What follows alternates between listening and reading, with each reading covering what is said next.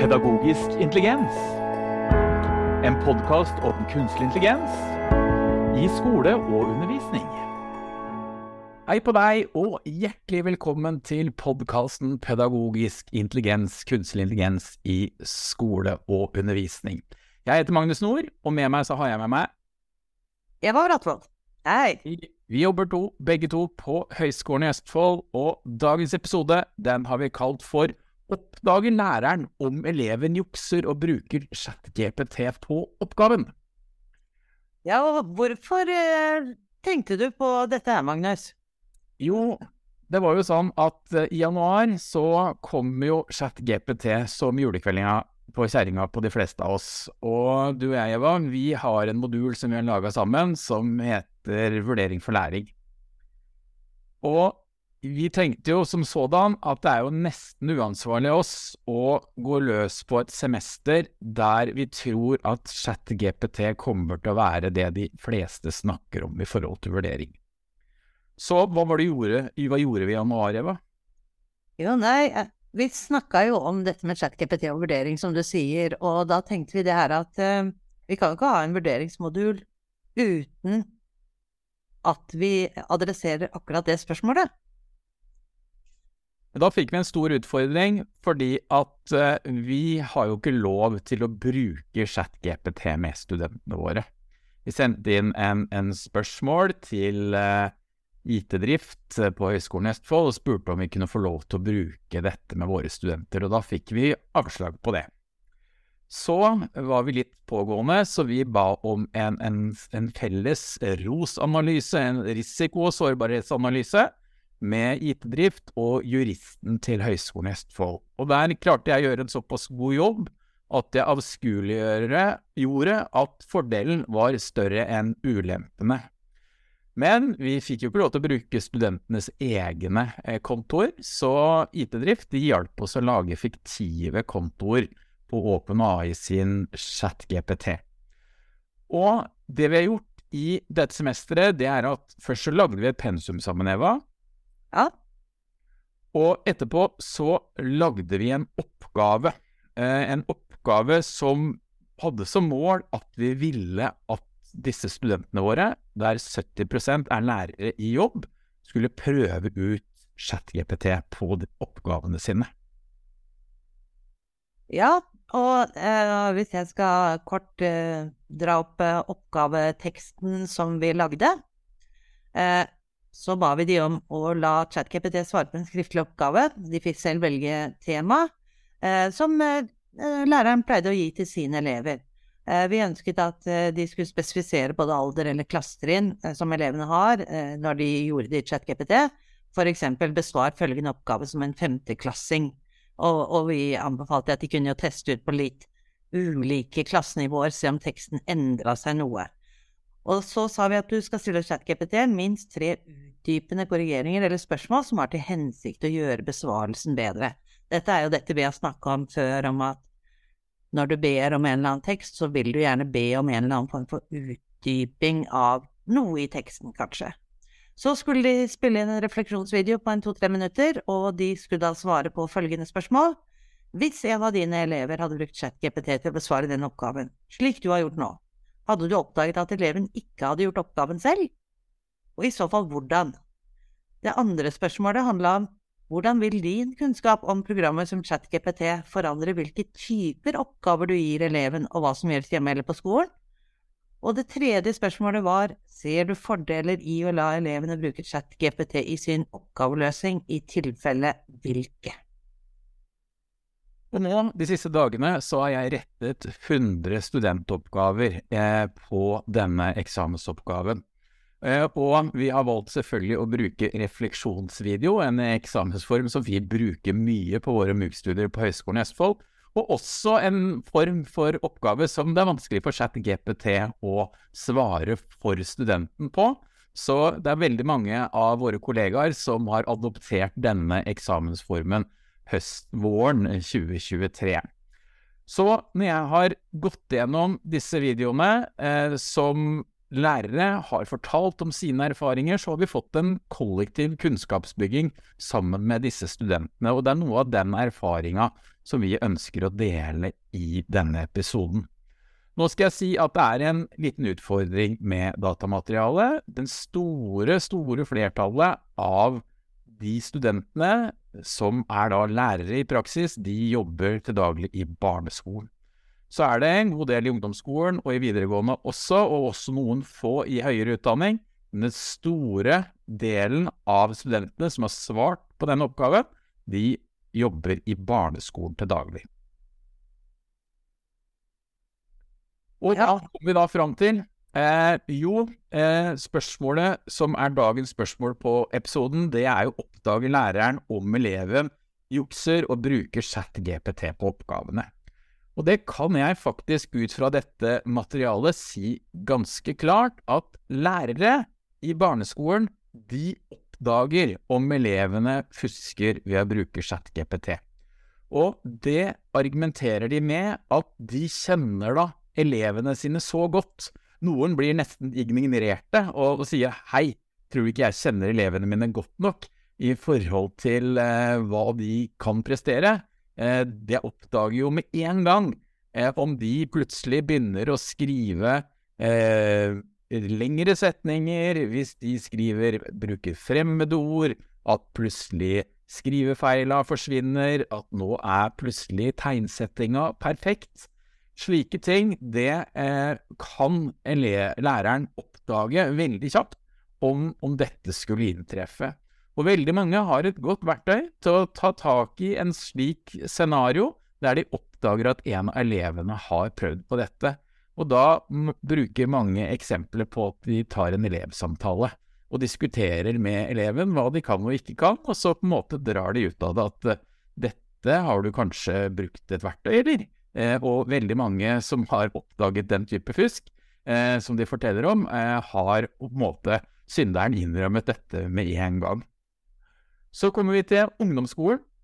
Og ungdomsskolen, der er det ganske likt som i barneskolen. Der sier de aller, aller fleste lærerne at de kjenner elevene sine såpass godt at de oppdager når de plutselig begynner å prestere på et annet nivå enn tidligere.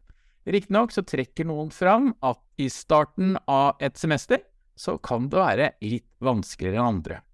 Det lærerne også trekker fram på ungdomsskolen, det er at når elevene bruker referanser på kilder de ikke har lært i undervisningen, eh, så er ofte et kontrollspørsmål hvor fikk du denne kilden fra?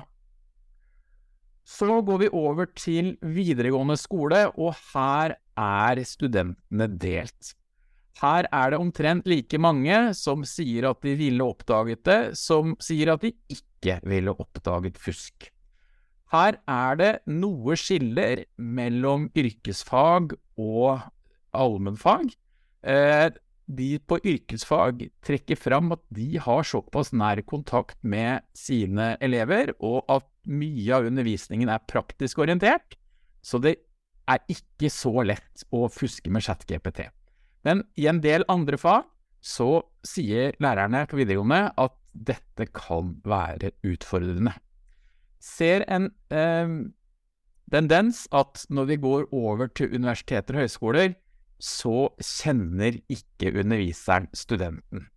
Eh, I hvert fall veldig mange av mine kollegaer i høyere utdanning kjenner ikke studentene sine godt nok, og har ikke den personlige relasjonen til studenten slik som læreren har i grunnskolen, og det blir dermed veldig mye vanskeligere å ta studentene i fusk. Et par andre spennende ting som jeg har sett når jeg har gått gjennom dette materialet, det er at eh, gutter, eller de mannlige lærerne, de sier oftere enn de kvinnelige at de tror kanskje at de ikke hadde oppdaget fusk. Men det er ikke noe veldig stor forskjell mellom gutter og jenter i så henseende. Men jeg, jeg, har jo sett litt på kommentarene dine, Magnus, fra at du har gått gjennom og, og vurdert eh, disse besvarelsene. Jeg tenkte kanskje du kunne kommentere litt på noen av de tingene som eh, du har notert deg her? Og som dyslektiker så velger jeg da at Eva leser opp kommentarene, og så kommer jeg med litt utdypende kommentarer. Vær så god, Eva. Da skal vi gå gjennom en del av de notatene som jeg skrev ned når jeg vurderte disse oppgavene. Ja, jeg, ser at en lærer kommenterer det at eh, det skumle er at ikke vi lenger trenger kunnskap siden AI svarer på alt. Hva skal vi si om det? Ja, det, det, det er jo, det er jo øh, kunne jo vært altså, Hvis du skal si det i verst mulig tenkelige form, så blir det jo sånn at eh, motivasjonen for å lære synker fordi det viser seg at AI-en produserer teksten på en så enkel måte. Så det største faren der tenker jeg at motivasjonen til eleven forsvinner. Men vi har vel prøvd å vise ganske mange gode eksempler i denne podkastserien på at det fins kreative og gode måter på å bruke kunstig intelligens på i undervisningen. Eh, så er det jo flere av de som på en måte peker på dette her med liksom språkdrakten som kommer ut, hvis jeg skal kalle det for det. Eh, noe du har notert her, det er mange er ikke intelligente nok til å skjønne at dette er langt over sitt nivå. Hva, hva er det som du har tenkt eh, med den kommentaren? Ja, altså, og dette er ikke mine kommentarer, det er hentet ut fra hva disse lærerne sa. da De sa at mange av de har ikke prontkompetansen til å eh, på en måte eh, lage god nok juks, da. Eh, fordi for eksempel hvis de sier eh, 'putt inn skrivefeil, så blir det så mange skrivefeil. Eh, og de er ikke i stand til å vurdere Noen lærere sier for eksempel sånn Skriv som en femteklassing. Og så er de ikke helt enig med at det er slik en femteklassing skriver. Altså at det er for godt. Men et grep som noen av lærerne foreslår, som gjør at det kan bli vanskeligere for dem Hvis du er en eh, femteklassing, og så sier du 'skriv det som en tredjeklassing', eh, da blir det et såpass lavere nivå at de sier at da kan det bli vanskeligere å oppdage, for der er det en del sånne feil. Men lærerne er veldig ofte ikke enig med ChatGPT. Så når det presenteres som en femteklassing, så er ikke de enige med kalibreringa av nivået på teksten i forhold til hvordan virkeligheten alltid er. Ja, og det ser jo det at noe av det som er blitt kommentert, er det at det, kanskje er den for korrekt på kommaregler og rettskriving og bruk av fremmedord, eh, så at man ofte kan avsløre de på at eh, språket er for avansert. Eller så blir det kanskje for banalt i andre retningen, eh, og så oppdager man det på den måten. Eh, men her er det vel viktig å få fram at dette er jo lærere som kjenner sine elever. Så hvis elever begynner å bruke ord som de ikke ville ha brukt vanlig, så kan man kanskje regne med at det har kommet et eller annet sted ifra? Kanskje? Det, det, det, eksempelet du har der, tror jeg nesten halvparten av studentene i denne innleveringa sa. At, at, det er et ordforråd som ennå ikke innehas av eleven. Det er veldig unaturlige ord, og det er ofte det som er den første indikatoren på at de begynner å lure på om det er noe ugler i mosen. Ja, men eh, så ser jeg jo det her at eh, noen av eh, de besvarelsene som du har fått inn, de prøver å peke i noen andre retninger. En har notert at det å få håndskrevne svar kan være en mulighet til å forhindre juks. En annen snakker om kreative oppgaveinnleveringer som tegninger, bilder og videobesvarelser. Ja, det er jo, er jo, spennende. Den første, gå baklengs inn i fremtiden. En måte å unngå ChatGPT, da, eller i hvert fall få eleven til å jobbe mye mer, er jo å gå tilbake til papirbaserte innleveringer. Eh, da må jo eleven i hvert fall jobbe mer med stoffet. Og så eh, setter jo jeg på, eh, pris på som IKT-lærer at eh, studentene arver noe av tankesettet vårt med å være kreative, sånn som f.eks. refleksjonsvideoen. da. Den er det mange som trekker fram.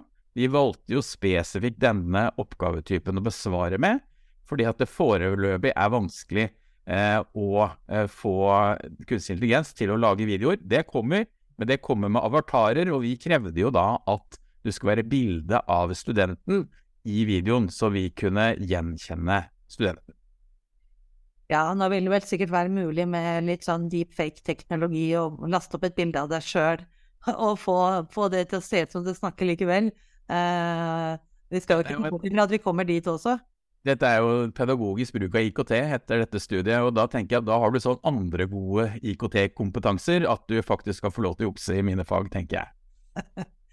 ja, vi får se om vi skal holde det ansvarlig for det seinere når det kommer, Magnus, eller om du da endrer mening. Men jeg ser jo her at en lærer foreslår jo også det å låse f.eks. når elevene gjør digitale prøver, sånn at ikke de kommer seg ut av prøven, altså ikke kommer på noen andre sider, om det er på søkesider eller om det er å bruke ChatGPT eller andre ting. Er dette på en måte eh, den veien vi skal gå for å forhindre juks, tenker du? Det er jo absolutt det vi har avskydd i tiår etter tiår, dette her med at man skal stenge ressurser ute. Det er jo det motsatte av det vi egentlig ønsker, er jo at eh, elevene skal bruke så mye kilder og hjelpemidler som mulig. På de fleste eh, eksamener og prøver så står det jo alle hjelpemidler tillatt. Men eh, det jeg la merke til, det var at jeg er ikke så veldig bevandla i Google Classroom, men at i Google Classroom så fantes det en funksjonalitet på prøver der de ikke fikk lov til å gå ut av eh, skriveverktøyet mens de skrev selve oppgaven, så de var på en måte låst. For én ting er jo at en del foreslår at man skal flytte eh, besvarelsen fra hjemme til skolen.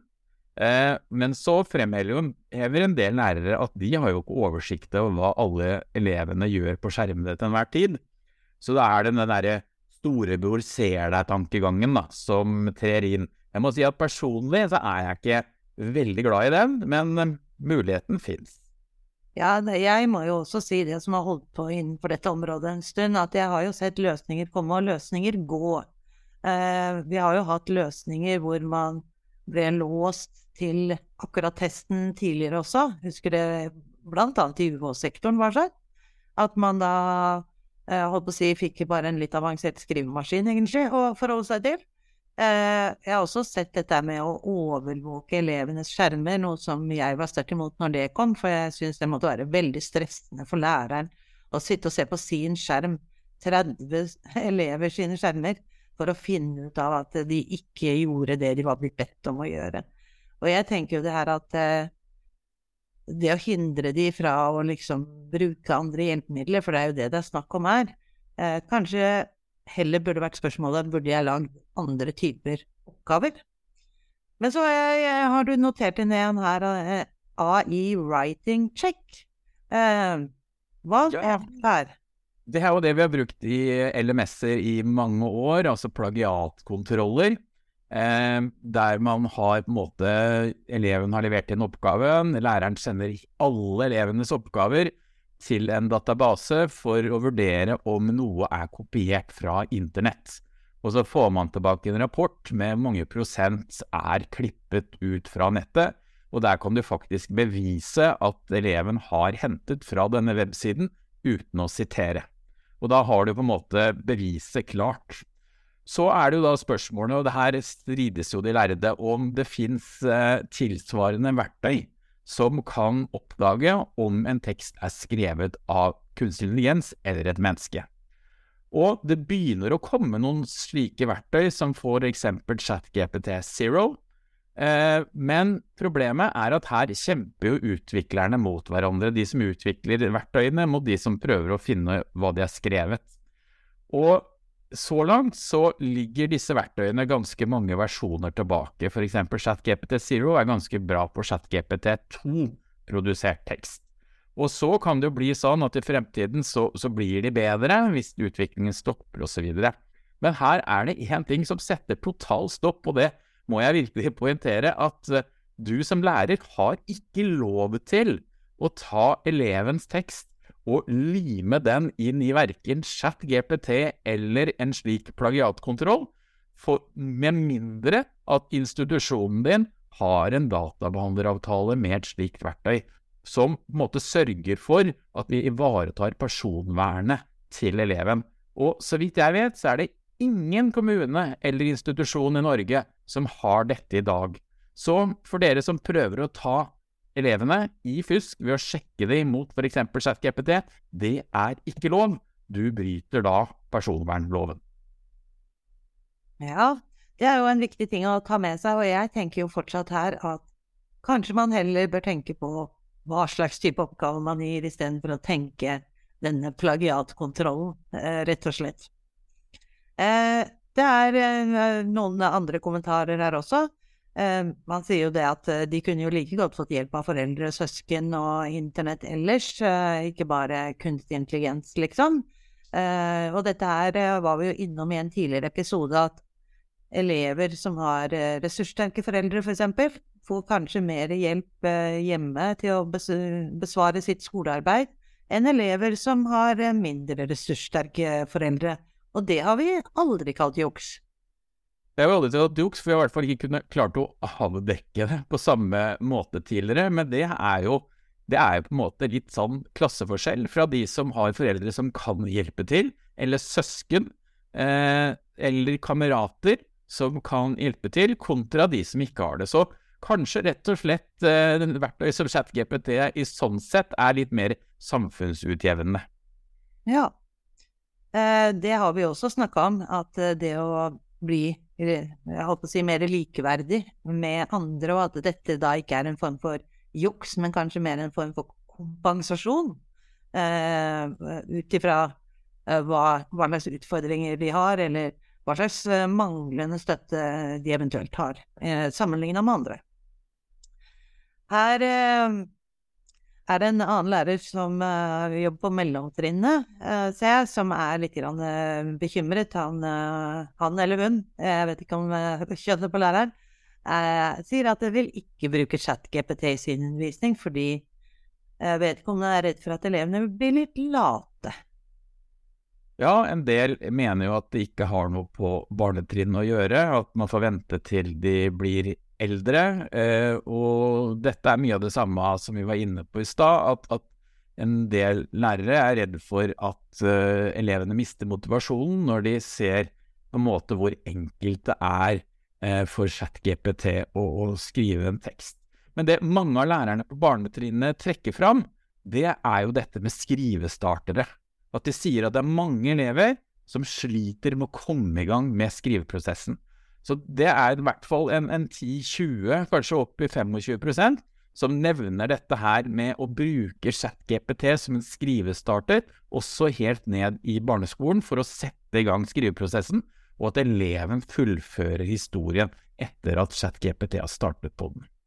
Ja, og det tenker jeg kan være en god idé. Og det kan jo, historiene kan jo utvikle seg på så mange måter. Jeg ser her at noen av lærerne tenker eh, også litt annerledes. F.eks. for eksempel når man da får en tekst fra, generert fra ChatGPT eller lignende kunstige intelligenser, så tar man utgangspunkt i den teksten, og så skal man finne kildene som underbygger det. Og jeg har en annen her som sier det at elevene skal da skrive et sammendrag også av de ferdiggenererte tekstene, tilpassa sitt eller sin aldersgruppe. Ja, det var flere som nevnte eksempel med Flip Classroom, da. Eh, at vi kan generere en tekst i fellesskap i, i klassen eh, om et tema.